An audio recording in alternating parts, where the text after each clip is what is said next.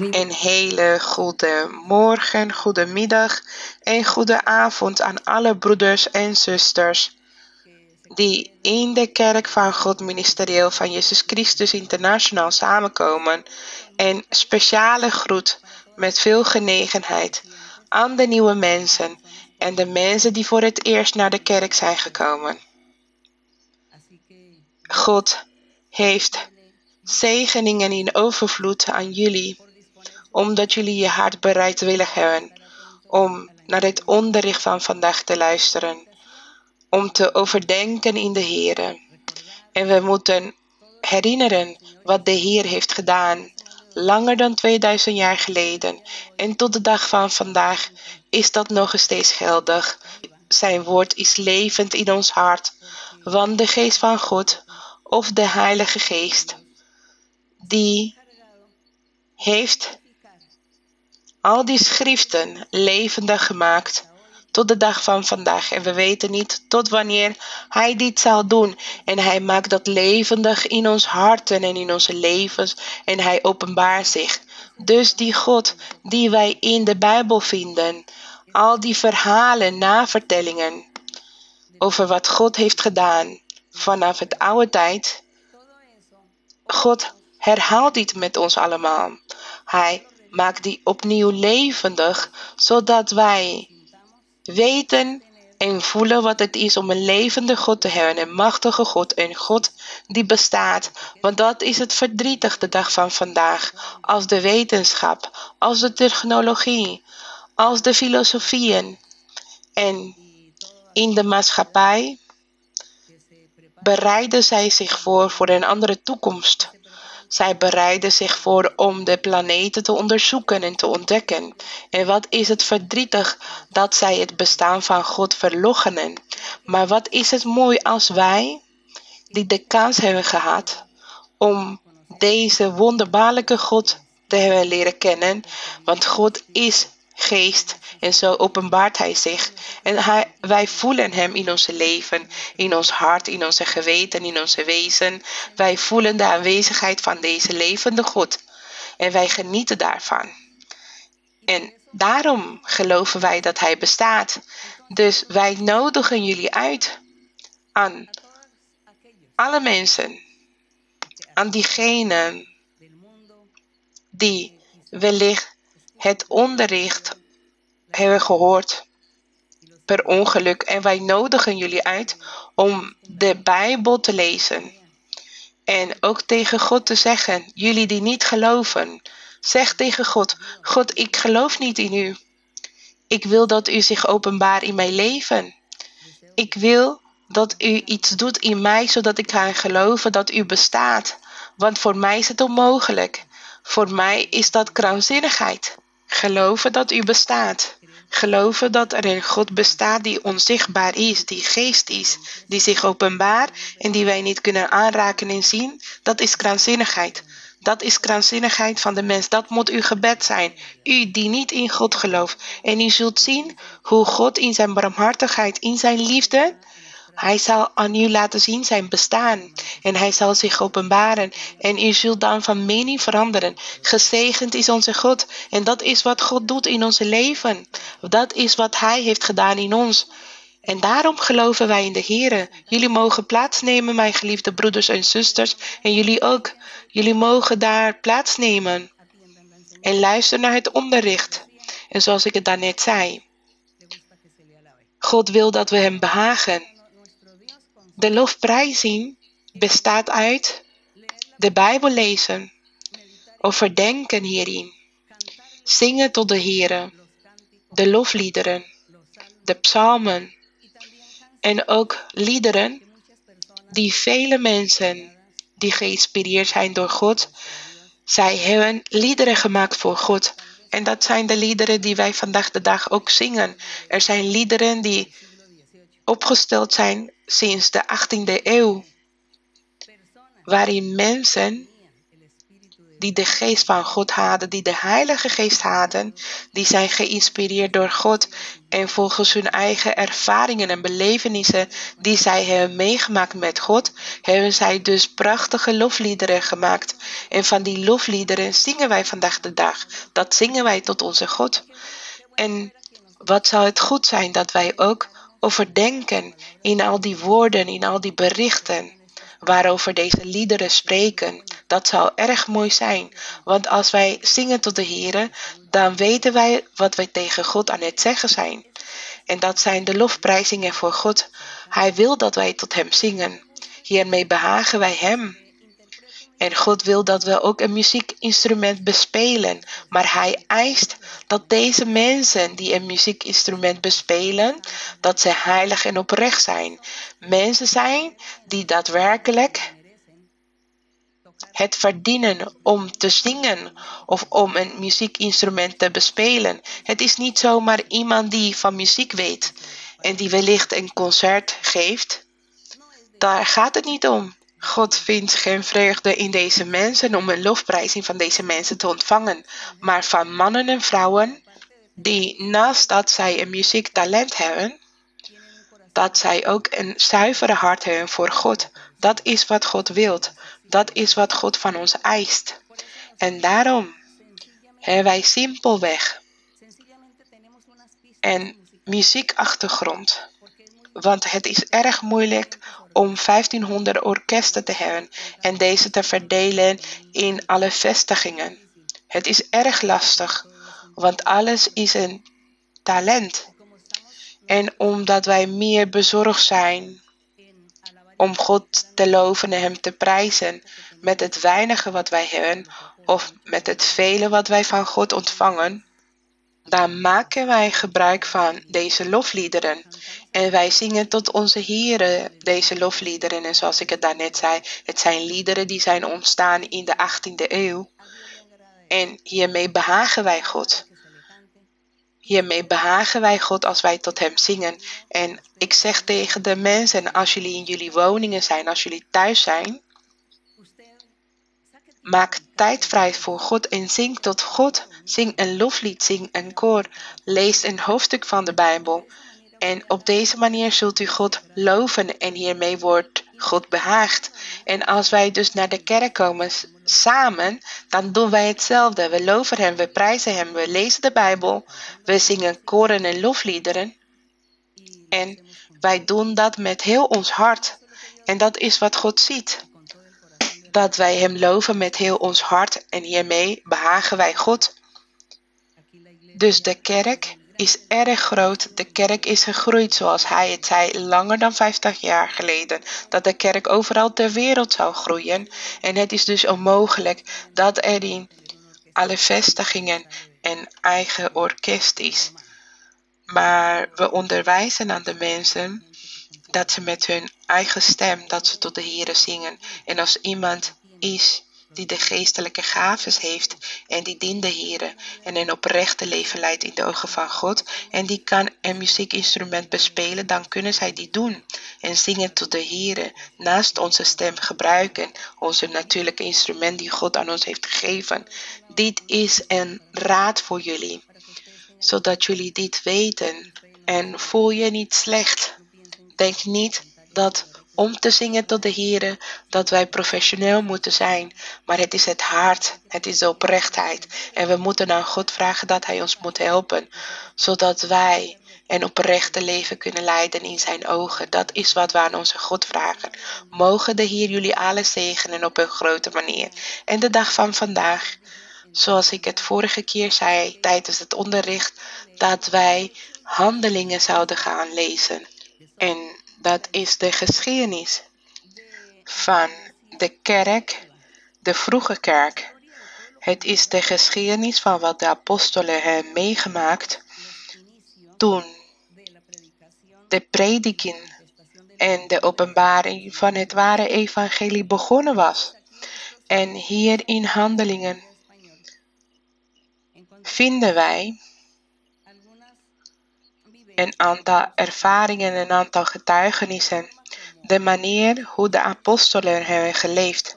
Al kunnen we niet alles vinden, Want als alle boeken geschreven zouden zijn, zoals de apostel het zegt, dan zou er in de wereld de geschreven boeken het niet kunnen bevatten over de wonderen, de openbaringen, de tekenen die God heeft verricht met zijn leerlingen, met zijn volgers.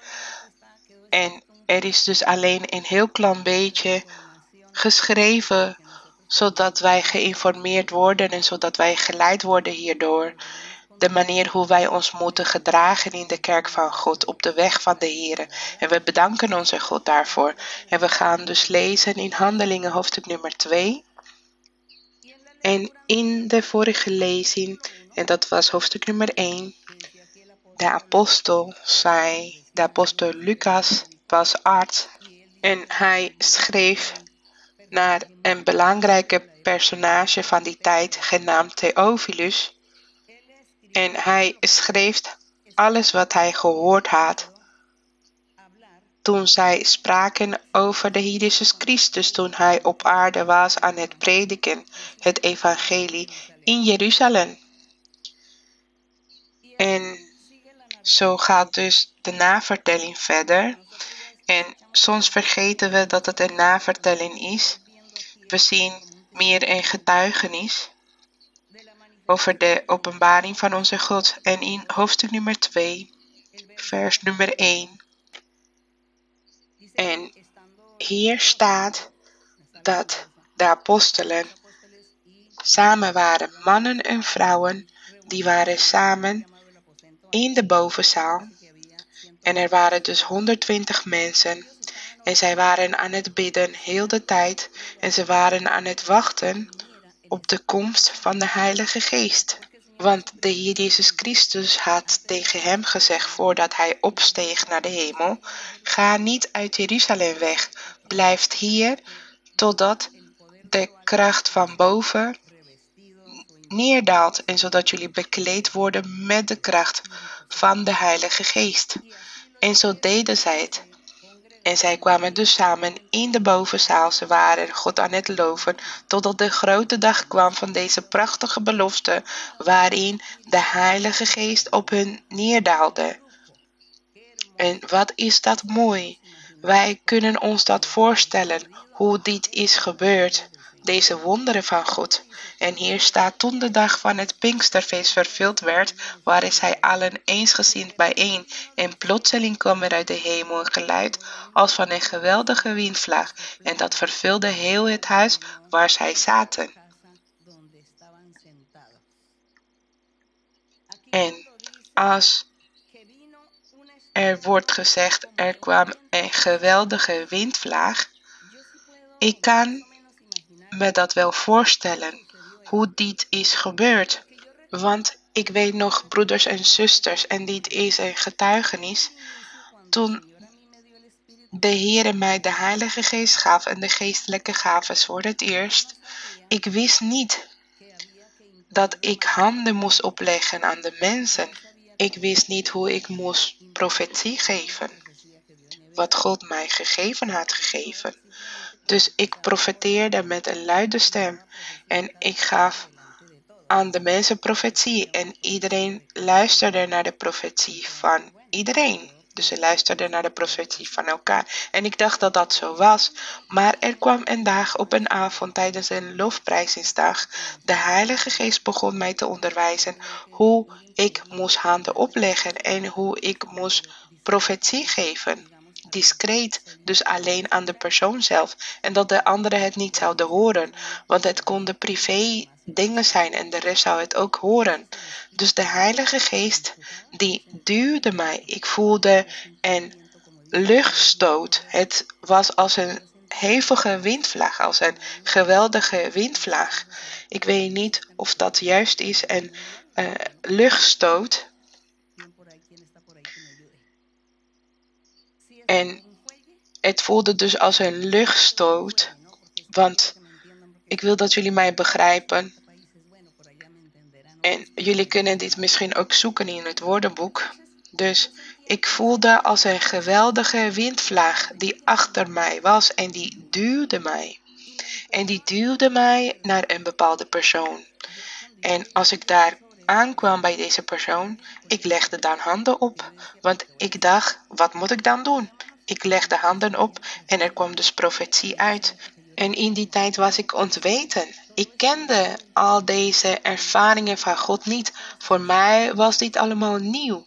Dus ik gaf profetie. Ik was dan klaar met profetie geven. Ik ging dan weg, ging verder God loven en daarna opnieuw begon die hevige windvlaag of geweldige windvlaag die mij duwde naar iemand anders. En zo ging het vervolgens met deze twaalf personen die op die avond aanwezig waren. Dus ik begreep, ik heb geleerd dat ik handen moest opleggen en dat ik moest profeteren alleen maar aan diegene, zodat de rest het niet zou horen. Dat is wat ik begrepen heb. Ik ben afgedwaald van de lezing omdat ik dacht aan deze ervaring, zodat jullie ook weten dat dat waar is, dat dat bestaat. Een geweldige windvlaag bestaat en die kan iemand duwen of die kan iemand meevoeren. Zoals wij dit ook in de Bijbel zien, dat de Heilige Geest een leerling verplaatste van de ene plek naar de andere plek en hij nam diegene mee in een storm naar een andere plek en hij was dus ergens anders. Dat is waar. De mensen lezen dit en ze zeggen dit is krankzinnigheid, dat is een leugen. Ik ben getuige daarvan. Ik heb deze ervaring meegemaakt van een geweldige windvlaag die mij meevoerde naar een plek. De glorie zij tot de Here.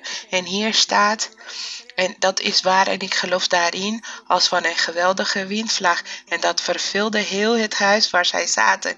En aan hen werden tongen als van vuur gezien, die zich verdeelden. En het zat op ieder van hen.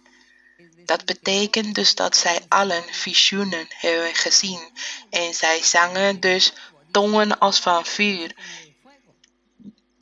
En wij kunnen ons die tongen als van vuur voorstellen en het zat op ieder van hen, en zij werden allen vervuld met de Heilige Geest. En zij werden allen vervuld met de Heilige Geest.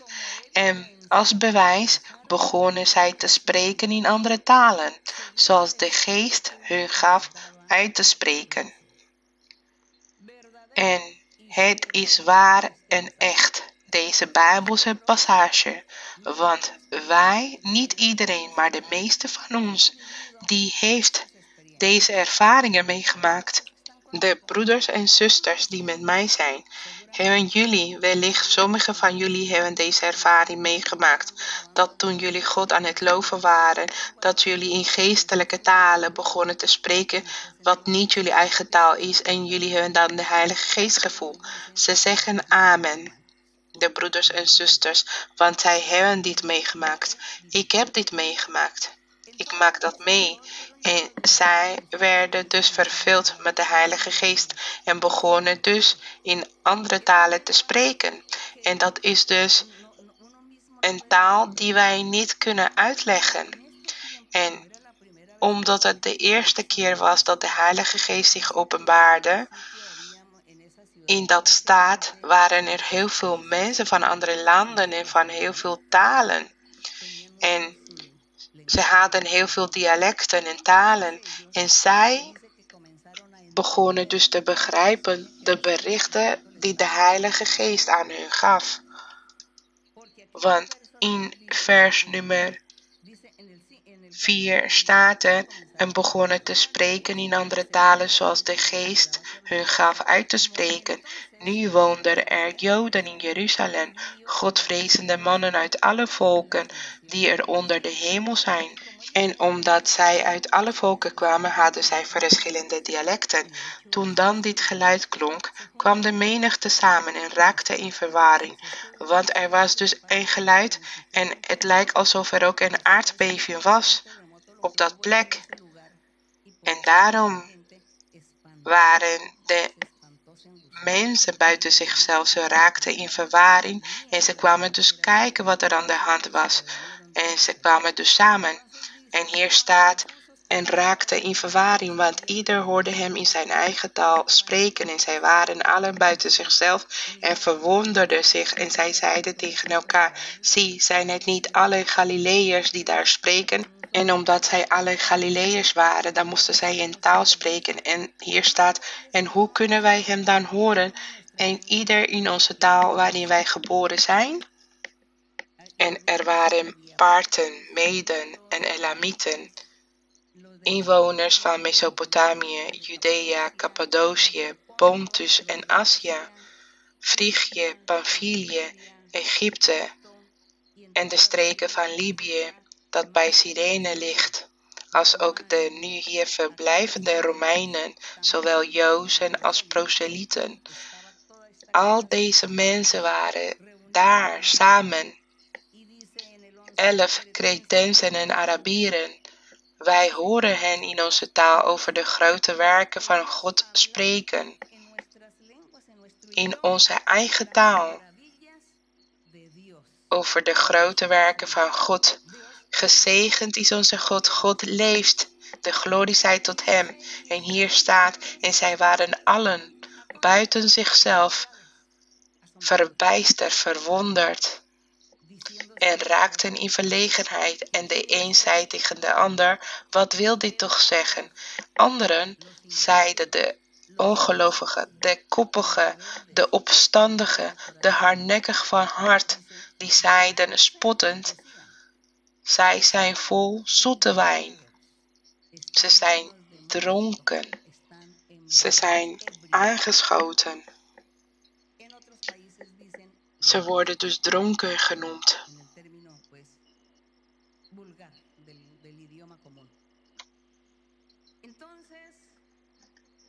Desondanks dat deze ongelovige mensen spotten waren, zij wisten dat er iets anders aan de hand was. Er was iets vreemds aan de hand. Er waren vreemde dingen aan het gebeuren op die dag. Allemaal verbijster, verbaasd. De Heilige Geest, die sprak tot hem en die gaf hun een bericht. En deze berichten waren wellicht beloftes van God, vermanningen en waarschuwing om in de Jezus Christus te geloven. Diegene die gekruisigd was en die opgestaan was. En ze zeiden dat het een leugen was dat hij opgestaan was. Maar de Heilige Geest sprak daar. Bij monden van deze 120 mensen die aan het bidden waren, die de kracht van boven aan het wachten waren, die de belofte van God aan het wachten waren. Dus God begint zich te openbaren toen de ware kerk van onze Heer Jezus Christus begonnen is, toen de prediking van het ware evangelie van de Jezus Christus begonnen is. Want het ware evangelie van de Jezus Christus is wanneer de Heilige Geest zich openbaart in het leven van alle mensen. Het is niet alleen maar in het leven van de pastoor of voorganger, want sommigen onderwijzen dat, dat diegene die op de preekstoel is, is degene die alleen maar kan profiteren en de Heilige Geest heeft. En diegene zegt dan alleen maar, ja, het zal goed met je gaan. Dat is wat ze profiteren. Maar het is niet voor de gelovigen. Zij hebben dan geen recht om die te ontvangen. Dat is niet het ware evangelie. Het ware evangelie is dat alle gelovigen en de pastoor de Heilige Geest moeten ontvangen, in geestelijke talen moeten spreken, de geestelijke gaven moeten hebben. Zij moeten alle dienen tot de Heer. Dat is het ware evangelie van de Jezus Christus. En als u ergens samenkomt en deze openbaring is er niet, weet dat dat niet de ware evangelie van de Jezus Christus is. Hij wordt niet gepreekt en het wordt ook niet uitgeoefend zoals het hoort te zijn. Dus zoekt God, zoek de ware weg van God en God zal dat aan u laten zien en hij zal u brengen naar de ware weg, want God kijkt naar de eerlijkheid van de harten, de oprechtheid van iemand. Daar kijkt God naar. En God leidt dan iemand en onderwijst diegene en zegt: Kom naar deze plek. Ga daar naartoe, want daar openbaar ik me. De glorie zij tot de Heer. Dat is wat God heeft gedaan met ons allen. Dat is wat God heeft gedaan in meer dan 60 landen. In de samenkomsten. God heeft hem gebracht, de Heilige Geest, dankzij onze God. En we gaan verder met de lezing, waarin staat er dat sommigen spotten waren. En ze zeiden, ze zijn vol zoete wijn. En in vers nummer 14 staat er. Maar Petrus, jullie mogen vers nummer 14 lezen, met z'n allen. Maar Petrus, die daar met de elf andere apostelen stond, verhief zijn stem en sprak tot hem: Joodse mannen, en u allen die in Jeruzalem woont, dit moet u bekend zijn. En laat mij woorden tot uw oren doordringen. De apostel die maakte duidelijk en zei: Nee. Hier staat: Deze mensen zijn namelijk niet dronken in vers nummer 15. Deze mensen zijn namelijk niet dronken zoals u vermoedt, want het is pas het derde uur van de dag. Het derde uur van de dag is negen uur in de ochtend. Maar dit is wat gesproken is door de profeet Joël. En het zal zijn in de laatste dagen, zegt God, dat ik zal uitstorten van mijn geest. Dus de apostel Petrus zei, hij citeerde de profeet Joël, waarin hij zegt, Joël, en het zal zijn in de laatste dagen, zegt God. Dat betekent dus de toekomst. En de toekomst was de komst van de Heer Jezus Christus en zijn openbaring. Dat was dus de toekomst waarover de profeten van het oude tijd spraken. En Joël zegt, en het zal zijn in de laatste dagen, zegt God, dat was toen de Jezus Christus zich zou openbaren, de Messias, de gezondene van God. Als hij zich zou openbaren, kijk wat er zou gebeuren. Dan zou hij zijn geest uitstorten op alle vlees en uw zonen en uw dochters. Als er wordt gesproken, ik zal mijn geest uitstorten op alle vlees, betekent op alle mensen, op de mens. En uw zonen en uw dochters zullen profeteren. Kijk wat hier staat. Het is niet alleen maar bedoeld voor de pastoor, diegene die op de preekstoel is. Iedereen, het is voor uw zonen en dochters. Jonge mannen zullen visioenen zien en uw ouderen zullen dromen dromen. Naast dat zij dus de gave van de profetie hebben, zouden zij dus visioenen hebben en dromen dromen.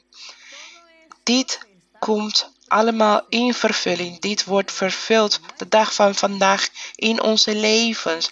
Daarvan getuig ik dat dit vervuld is in onze levens al ongeveer 60 jaar lang. Want toen ik de weg van God leerde kennen, had ik nooit de Bijbel gelezen voor het eerste keer. En ik wist niet eens dat er zoveel religies bestonden. Er werd wel gesproken over een traditionele kerk, maar ik was ook niet erg gelovig en ik was ook niet altijd daar. Ik geloofde in de Heer, maar ik voelde dat Hij heel ver, heel ver van mij was. Ik keek naar de hemel en ik dacht dat Hij verder dan de hemel was. Maar toen ik de Bijbel leerde kennen en toen God tot mij voor het eerst sprak, voor mij was dat iets alsof ik opnieuw geboren werd, wedergeworden. Voor mij was dat prachtig en mooi. Het was iets moois en ik werd verliefd op de Heer. En vanaf dat moment, de tijd is voorbij gevlogen en het lijkt alsof het gisteren was. Al deze jaren zijn voorbij gegaan en het lijkt alsof het gisteren was. Maar ik heb de hand van God gezien, zijn manifestatie, openbaringen, zijn tekenen en wonderen. Ik heb zoveel dingen gezien dat ik elke dag meer verliefd word op de Heer. En ik zeg tegen de Heer, ik kom leven tekort, want ik ben net begonnen. Dat zeg ik tegen de Heer. Ik ben net begonnen en alsnog ben ik aan het einde van mijn leven. Maar ik ben net begonnen op uw weg. Hoe vinden jullie dat? Dat is de liefde die je voor God voelt. Want Voor God bestaat de tijd niet.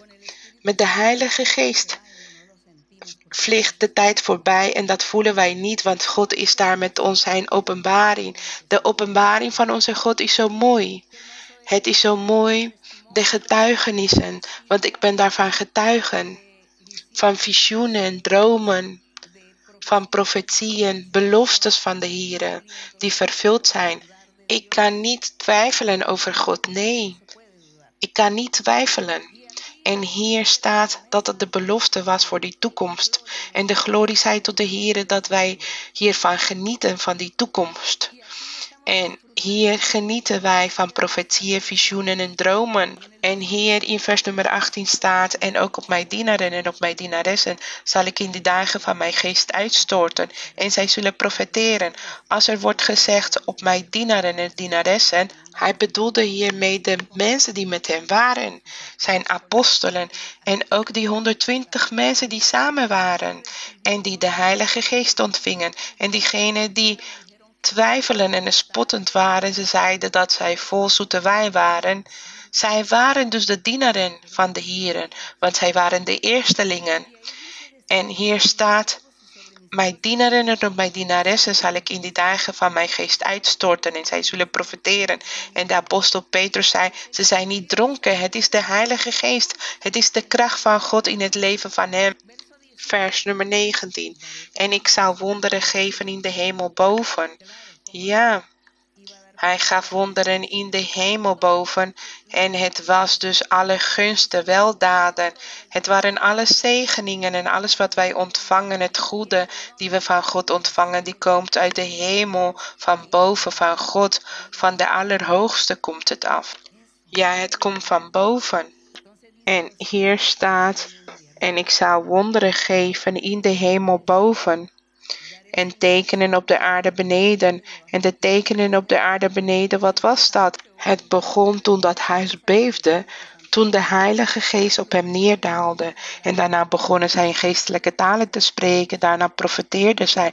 En daarna begonnen dus de wonderen verricht te worden. Dat zijn de tekenen op de aarde beneden. En als wij zien dat God wonderen verricht, geneest, bevrijdt, ze beschermt van gevaren en de mensen helpt met hun baan of de dingen die de mensen nodig hebben. En we zien de hand van God die de mens aan het helpen is. Dat zijn de tekenen op de aarde beneden, zodat wij geloven, zodat wij niet twijfelen en zodat wij vertrouwen hebben op Hem. Glorierijk is onze Heer. En hier staat wonderen geven in de hemel boven en tekenen op de aarde beneden. Dus wat wij ontvangen, de mensen van God. En hier staat bloed, vuur en rookwalm. Want dat was dus de manifestatie of de openbaring van de Heilige Geest. Toen Hij zich openbaarde, beefde de aarde. En bloed, vuur en rookwalm zullen wij niet alleen zien. En wij hebben dat ook gezien. De eerste discipelen, die werden ook achtervolgd en die werden ook gekruisigd. Dus wij zien heel veel dingen hier, symbolische dingen, letterlijke dingen die weer gegeven kunnen worden, die uitgelegd kunnen worden. Maar er zijn ook veel dingen die uitgelegd kunnen worden in een symbolische weergave. De manifestatie van God in de mensen. En hier staat, voordat de grote en ontzagwekkende dag van de Heere komt. Hiermee wordt dus verwezen naar de komst van de Heer Jezus Christus op de wolken, als Hij zijn volk komt ophalen, als Hij zijn volmaakte heilige kerk komt ophalen, want hij zal zijn kerk volmaakt maken en heiligen. Hoe? Met de geestelijke gaves, met de gave van profetie, de gave van visioenen, de gave van onderscheidingsvermogen, met alle gaves wat God aan ons geeft. En hiermee wordt de kerk volmaakt, want de kerk bestaat uit de gelovigen, uit de mensen die moeten veranderen en een heilige leven moeten leiden. En wie helpt ze? De Heilige Geest en de geestelijke gaves helpen hem. En dan komt in vervulling, want de Heere zegt dat hij een volmaakte en heilige kerk zonder smet, zonder rimpel zal vormen.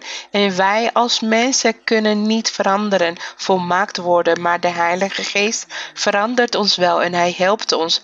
En hij zal ons volmaakt maken en hij onderwijst ons en vermaant ons. Dus hier staat voordat de grote en ontzagwekkende dag van de Heere komt. We zijn al langer dan 2000 jaar aan het wachten op de dag van de Heere, op zijn komst. En in vers nummer 21 staat er, en het zal zo zijn dat ieder, dus mannen en vrouwen, die de naam van de Heere zal aanroepen, van de Jezus Christus zal aanroepen, zalig zal worden. Maar wat betekent de naam van de Jezus Christus aanroepen? Weet dat er in die tijd geloofden zij niet in de Heer Jezus Christus, want ze zeiden dat hij een bedrieger was. En het volk van Israël geloofde niet in hem, want zij zeiden dat God geest was en dat ze God niet konden zien en dat het niet mogelijk was dat de Heer Jezus Christus zei dat hij de Zoon van God was.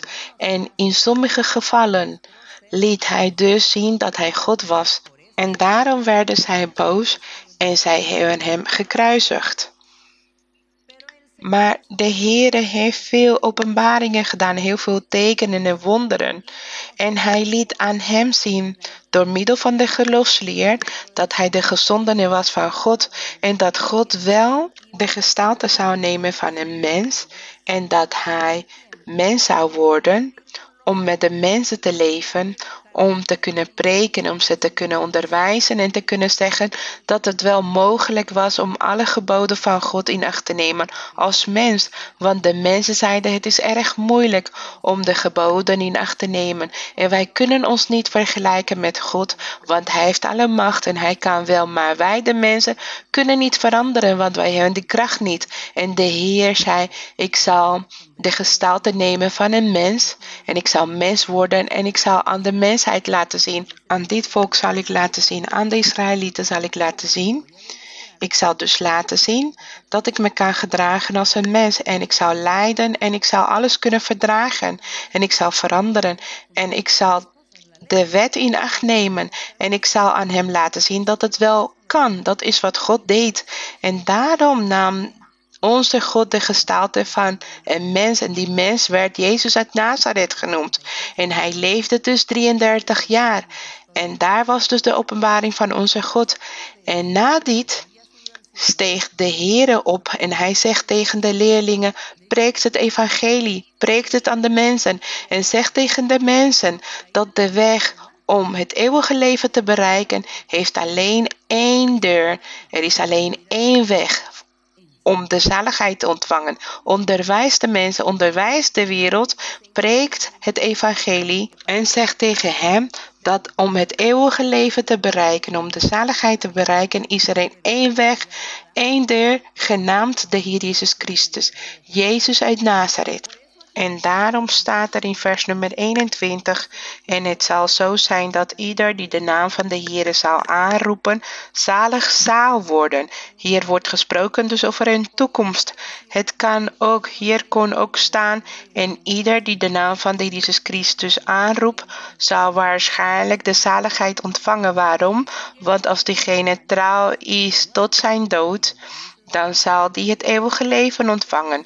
Maar als diegene de Heere aanroept en leeft voor een gedurende tijd in het evangelie en daarna dwaalt die af en valt terug in de zonde en vergeet God, dan zal diegene niet zalig zijn. Maar als diegene trouw is, die roept de Heere aan en dat is dus geloven in de Jezus Christus, dat hij de zoon is van God, dat hij God is, dat hij de gezondene is en dat hij de enige weg is om binnen te komen en diegene is dus trouw, dan zal deze persoon zalig worden, want diegene was trouw tot zijn dood. Dat staat er dus hier. Want deze vers is slecht geïnterpreteerd door heel veel religies. Die hebben deze vers verdraaid en ze zeggen ja, hier staat En ieder die de naam van de Heer zal aanroepen, zal zalig worden. Dus ik zeg, Heer, Heer, heb ontferming over mij. Ja, Heer, ik geloof in God. Ja, ik ben christelijk. Ik geloof in God. Ja, dat kan zeggen dat je gelooft, maar je bent geen beoefenaar. De Heere aanroepen is niet alleen maar zeggen, ja, ik geloof in God, ik geloof in de Heere, maar het is ook de geboden van God in acht nemen. Alles wat God ons onderwijst, al zijn geboden in acht nemen en een oprechte leven leiden in de ogen van God. Dat is dus volmaakt zijn. De Heere aanroepen is in hem leven tot de dag van onze dood. En hier staat zal zalig worden. Want er zijn velen die de Heere aanroepen. En in Jacobus, de apostel Jacobus zei tegen de mensen, ja, iedereen zegt dat ze geloven. De demonen zeggen hetzelfde, de demonen geloven. Maar worden zij gered? Zijn zij goed? Zijn zij oprecht? Nee, zij zijn slecht. De demonen doen het kwade, het slechte. En zij geloven in God. En natuurlijk moeten zij geloven in God, want Hij is de eigenaar. Hij is de leider. Dus zij moeten zich onderwerpen, onderschikken aan Hem. Maar ze zijn opstandig. En alles wat ze doen, doen ze tegen Gods wil. Dus de apostel gaf deze voorbeeld. Zo gebeurt het ook bij veel mensen. Ik geloof, ik geloof, maar zij doen het goede niet. Ze doen het slechte. Ik hoop dat vers nummer 21 duidelijk is. Ieder die de naam van de Heer zal aanroepen, zalig zal worden. Dat heeft Petrus gepreekt. En in vers nummer 22 staat er. Israëlitische mannen, luister naar deze woorden. Jezus de Nazarene, een man die u van Gods wegen aangewezen is tot krachten, wonderen en tekenen, die God in uw midden door hem gedaan heeft, zoals u ook zelf weet. Deze Jezus, die overeenkomstig het vastgestelde raadsbesluit en de voorkennis van God overgegeven is, hebt u gevangen genomen en door de handen van onrechtvaardigen aan het kruis gespijkerd en gedood. En waarom zegt hij hier onrechtvaardigen? Want het waren de Romeinse soldaten. Zij hadden niks te maken met het volk van de Heeren. En in vers nummer 24 staat, God heeft hem echter doen opstaan. Dat betekent dus, God heeft de Heer Jezus Christus doen opstaan door de weeën van de dood te ontbinden, omdat het niet mogelijk was dat hij daardoor vastgehouden zou worden. Dus de dood heeft hem niet vastgehouden en daarom was hij opgestaan na de derde dag. Want David zegt over hem, 25, ik zag de Heere altijd voor mij. Hier wordt naar een psalm verwezen, psalm 16, 8 tot met 11, want hier staat, want David zegt over hem, ik zag de Heere altijd voor mij, want hij is aan mijn rechterhand, opdat ik niet zou wankelen. Daarom is mijn hart verblijd en mijn tong verheugt zich. Ja, ook zal mijn vlees rusten in hoop. Want u zult mij ziel in het graf niet verlaten en uw heilige niet overgeven om ontbinding te zien. Dus de koning David was aan het profeteren, was aan het spreken en het was de Heer zelf, het was de Zoon van God die bij monden van David sprak, deze profetische woorden sprak. En het was de Heer zelf die zei, u zult mijn ziel in het graf niet verlaten en uw heilige niet overgeven om ontbinding te zien. Dus mijn lichaam zal niet afgebroken worden, zal niet tot stof vergaan, ontbonden worden tot stof. Dat staat er dus hier. Hier staat, u hebt mij de wegen ten leven bekendgemaakt. U zult mij vervullen met vreugde door uw aangezicht. Daarom is hij opgewekt met zijn lichaam, want het was door God niet toegestaan dat hij als een mens stof zou worden na zijn dood, als die begraven zou worden. En in vers nummer 29 staat er, mannen broeders, dit is de prediking van Petrus, wat hij aan hen gaf op de dag van het Pinksterfeest. De mensen die samen waren gekomen en hij is het evangelie en het onderwijs en het begin van de weg van God. En hij getuigt over dat alles al gezegd was door de profeten in het Oude Testament. Het is mij toegestaan over de aartsvader David vrij uit tegen u te zeggen dat hij en gestorven en begraven is en dat zijn graf tot op deze dag bij ons is aangezien hij een profeet was en wist dat God hem met een eed gezworen had dat hij uit de vrucht van zijn lichaam, voor zover het zijn vlees betrof, de Christus zou doen opstaan om hem op zijn troon te zetten. Dit was geprofeteerd en dit vinden wij in de psalmen. En hier kwam dus dit in vervulling, want God was de koning, maar een geestelijke koning, geen fysieke koning. En in vers nummer 31 staat er, daarom voorzag hij dit en zei hij over de opstanding van Christus, dat zijn ziel niet is verlaten in het graf en dat zijn vlees geen ontbinding heeft gezien. Het is niet gaan stinken. Deze Jezus heeft God doen opstaan. En hier wordt verwezen naar deze Jezus, het vlees wat God had genomen om een mens te worden, om een normale mens te zijn. Deze Jezus heeft God doen opstaan, waarvan wij alle getuigen zijn. Hij dan die door de rechterhand van God verhoogd is en de belofte van de Heilige Geest ontvangen heeft van de Vader, heeft dit uitgestort wat u nu ziet en hoort. Alles wat jullie horen en zien, dat zij in geestelijke talen spreken, dat zij aan het profeteren zijn. Wij hebben dit allemaal van God ontvangen, want God gaf het aan de Heer Jezus Christus als mens, want God werd mens en hij gedroeg zich als mens. En daarom, alles wat hij gaf, waren zij dus op dat moment aan het meemaken. En in vers nummer, we zijn er in welke vers? Vers nummer 34. David is immers niet opgevaren naar de hemelen, maar hij zegt, de Heere, dus hij profeteert, de Heere heeft gesproken tot mijn Heere. Dus David zag een visioen. En in dat visioen zag hij de Jezus Christus die zich wendde tot de Vader. En hij zei, de Heere heeft gesproken tot mijn Heere, zit aan mijn rechterhand. Dus zit aan mijn rechterkant, totdat ik uw vijanden neergelegd zou hebben als een voetbank voor uw voeten. Wie waren de vijanden? Wie waren de vijanden van Jezus Christus? Het volk van Israël. De Joden, zij waren de eerste vijanden van God en daarna ontstonden andere vijanden. En dat was na de prediking van het evangelie. Dat zijn diegenen die vandaag de dag ook ongelovig zijn, die zeggen dat God niet bestaat.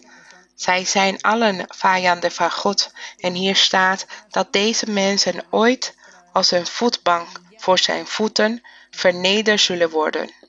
En zij zullen om genade vragen. Vers nummer 36. Laat dan heel het huis van Israël zeker weten dat God hem tot een Heere en Christus gemaakt heeft, namelijk deze Jezus die u gekruisigd hebt. En toen zij dit hoorden, werden zij diep in het hart geraakt en zeiden tegen Petrus, kijk wat er is gebeurd na de prediking. En als hij alle profetieën van het Oude Testament benadrukt of benoemt, want de koning David was ook een profeet. En hij onderwijst en hij spreekt tot deze mensen die Judeërs waren en ook van andere volken. En toen zij dus dit hoorden, werden zij diep in het hart geraakt. 37. En toen zij dit hoorden, werden zij diep in het hart geraakt en zeiden tegen Petrus en de andere apostelen, wat moeten wij doen, mannenbroeders? En Petrus zei tegen hem, bekeer u en laat ieder van u gedoopt worden in de naam van Jezus Christus tot vergeving van de zonde en u zult de gave van de Heilige Geest ontvangen. Kijk, de belofte van de Heilige Geest. Voor de ongelovigen, voor diegenen die zeggen dat ze christenen zijn, dat ze de Bijbel lezen, dat zij christenen zijn en dat zij geen Bijbelbeoefeners zijn omdat ze hier niet in geloven en omdat zij dat niet zoeken of aan God vragen, omdat zij niet eerlijk willen zijn met God, maar ze willen materialistisch zijn.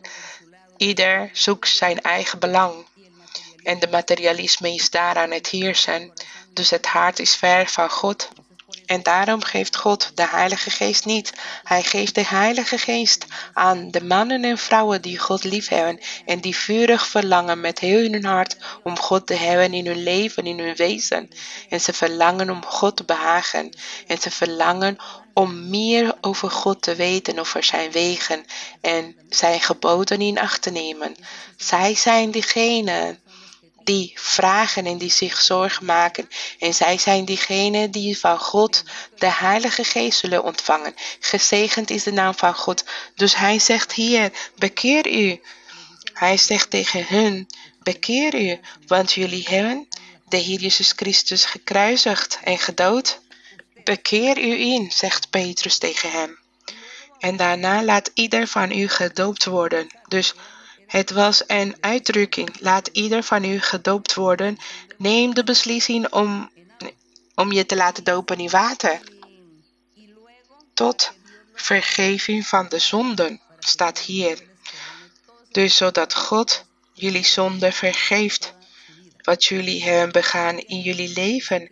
En als u zich wil bekeren en wil geloven in God en God wil zoeken, dan Nadat u zich laat dopen in water, dan zal God uw zonde vergeven. En u zult dan een nieuwe mens zijn, een nieuwe vrouw, een nieuwe man voor God. En vanaf dat moment zal God uw leven leiden. En hij zal dus laten doen dat u niet meer zondigt, dat u van leven verandert. En dan begint u een oprechte leven te leiden in de ogen van God. Dat wilde hij zeggen in deze vers 38. En nadat iemand zich laat dopen in water tot vergeven van de zonde, zult u de gave van de Heilige Geest ontvangen.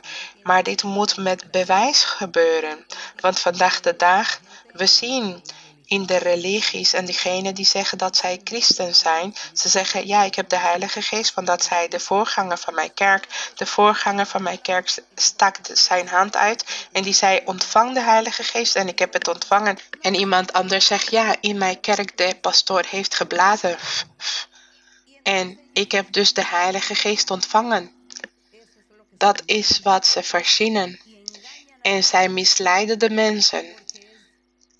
Want als mensen is het moeilijk de Heilige Geest te ontvangen en het geestelijk te ontvangen als mensen.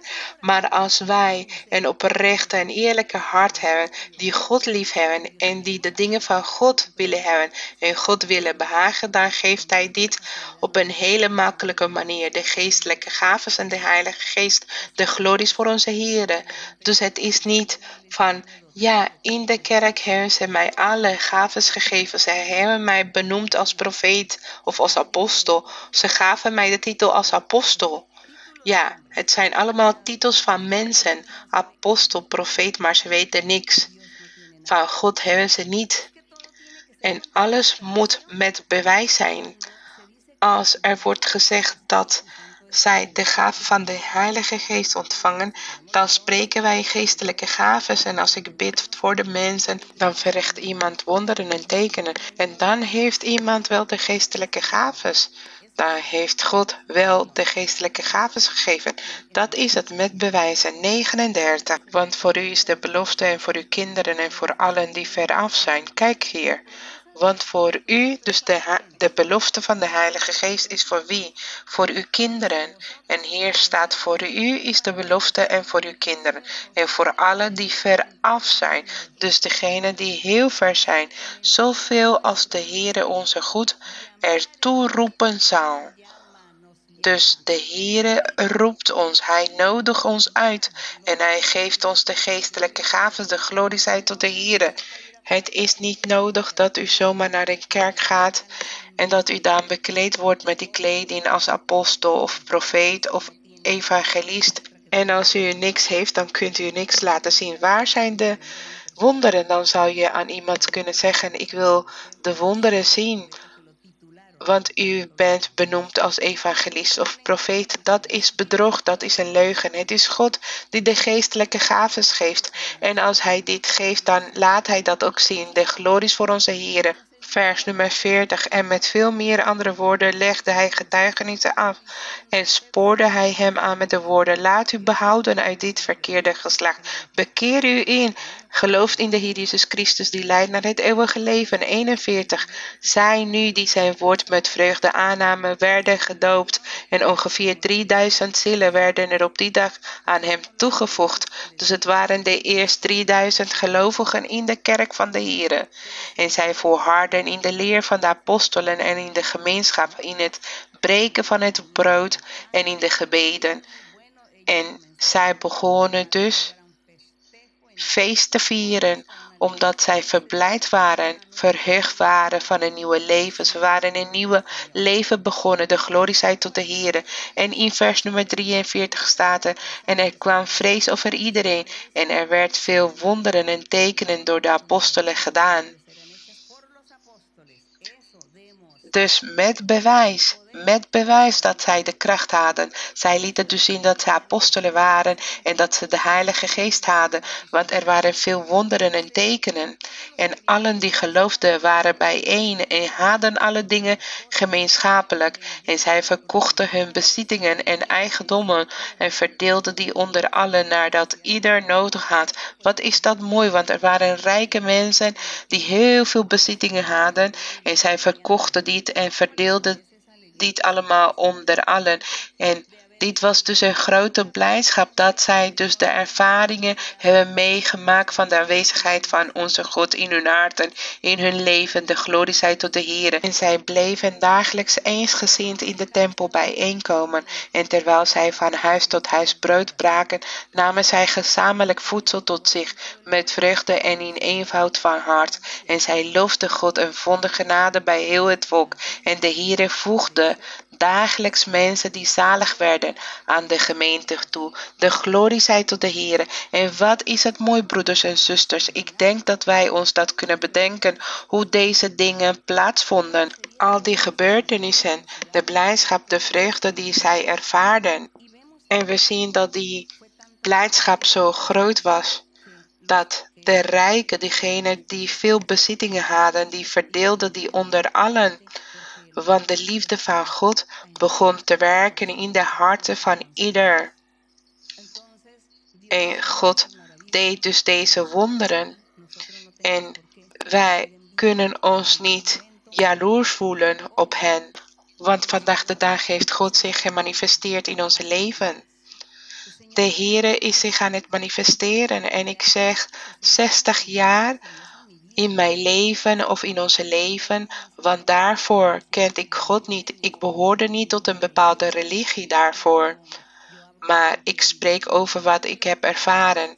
Maar er zullen veel ervaringen zijn. Diegenen die niet meer bestaan en die wel bestonden in die tijd, die waren aan het spreken en die gaven hun hart aan God, zodat de Heilige Geest bleef wonen in hun harten.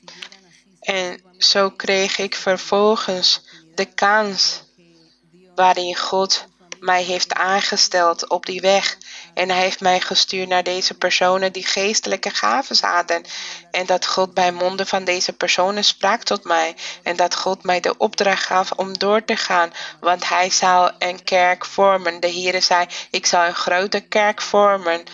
Een grote gemeente zal ik vormen hier en overal in de wereld, zei de Heer.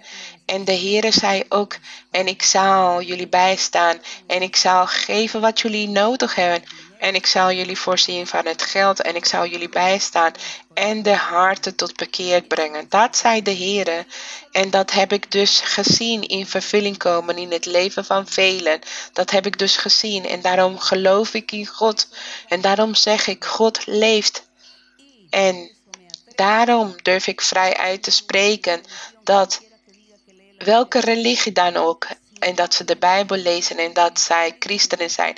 En als er geen openbaring is van de Heilige Geest en ze hebben de geestelijke gaven niet, dan worden zij misleid. Ik wil niet dat u misleid wordt. Als u de ware weg wil, dan moet u oprecht zijn. En vraag het aan God dat Hij u de waarheid moet laten zien en dat Hij u eruit moet halen waar u bent en dat Hij u moet brengen waar Hij zich openbaart, zodat u ook de vrede, de vreugde die wij hebben kan ervaren. De glorie en roem zijn voor onze God. Ik nodig jullie uit om de Bijbel te lezen. Lees de Bijbel. Wees oprecht en eerlijk en heb de Heere lief met heel je hart. En je zal zien dat God jullie nooit teleur zal stellen. De glorie is voor Hem. De glorie is voor de Almachtige. Laten we gaan bidden. Gezegende God Almachtige, dank u wel, Heere, Vader van onze Heer Jezus Christus. U bent onze grote God. U bent oprecht. U bent barmhartig. Dank u wel, God, want u leeft. U bestaat. Ik weet niet, mijn Heere, hoe de mensen u bestaan verloochenen. Hoe de mensen uw naam bespotten, uw woord bespotten. Ze willen, ze willen uw bestaan, uw naam van de mentaliteit van de mens wissen. Of dat u bestaat. Maar wij weten, mijn heren, dat u groot bent en dat u de eigenaar bent van alles. U bent de eigenaar van het heelal. En u bent degene die regeert. En u heeft heel veel geduld aan de koppigen. Maar we weten ook wel dat er een dag zal komen waarin dat geduld op zal raken. En u zult dan straf sturen aan diegenen die onverschillig zijn, die koppig, opstandig, ongelovig en hardnekkig zijn. Die u niet wilde liefhebben. En we krijgen pijn in ons hart, want we willen dat iedereen tot uw kennis en tot uw woord komt. Maar we zijn hier aan het strijden, mijn heren, met uw hulp, met uw bijstaan. Staat ons bij, mijn heren. Helpt ons, zodat wij kunnen begrijpen dat onze werk is evangeliseren en spreken over u en hand opleggen en, aan en geven aan diegene wat u ons heeft gegeven. Helpt ons om heel veel zielen te winnen voor het Koninkrijk der Hemelen. De glorie, de roem en de lofprijzing is voor u. In de naam van de Jezus Christus. En nu vraag ik ook u, mijn Heere, in uw ontferming, dat u uw machtige hand strekt over alle zieke mensen, mannen, vrouwen, kinderen, oudere mensen, die allerlei ziektes hebben dat u ze geneest, dat u ze bevrijdt, beschermt en bespaart. U hoort onze gebeden aan en u weet, mijn Heere, wie tot u bidt voor genezing en ook de bevrijding. En haal alle vloekingen weg. En al die onreine geesten die vele mensen bezitten. Ze zijn als een slaaf. Ze laten ze niet denken, praten of verstandig nadenken. En dat is erg triest en pijnlijk als wij deze mensen zien. Mijn Heere, heb ontferming en liefde en uw macht. Vader, dank u wel, mijn Vader. Dank u wel. In de naam van de Jezus Christus, dank u wel, eeuwige God. De glorie, de roem zijn voor u. Pon aceite en mi lámpara, Señor. Pon aceite en mi lámpara, Señor. Que yo quiero servirte con amor. Pon aceite en mi lámpara, Señor. Señor Jesús, tú eres mi vida. Señor Jesús, tú eres amor,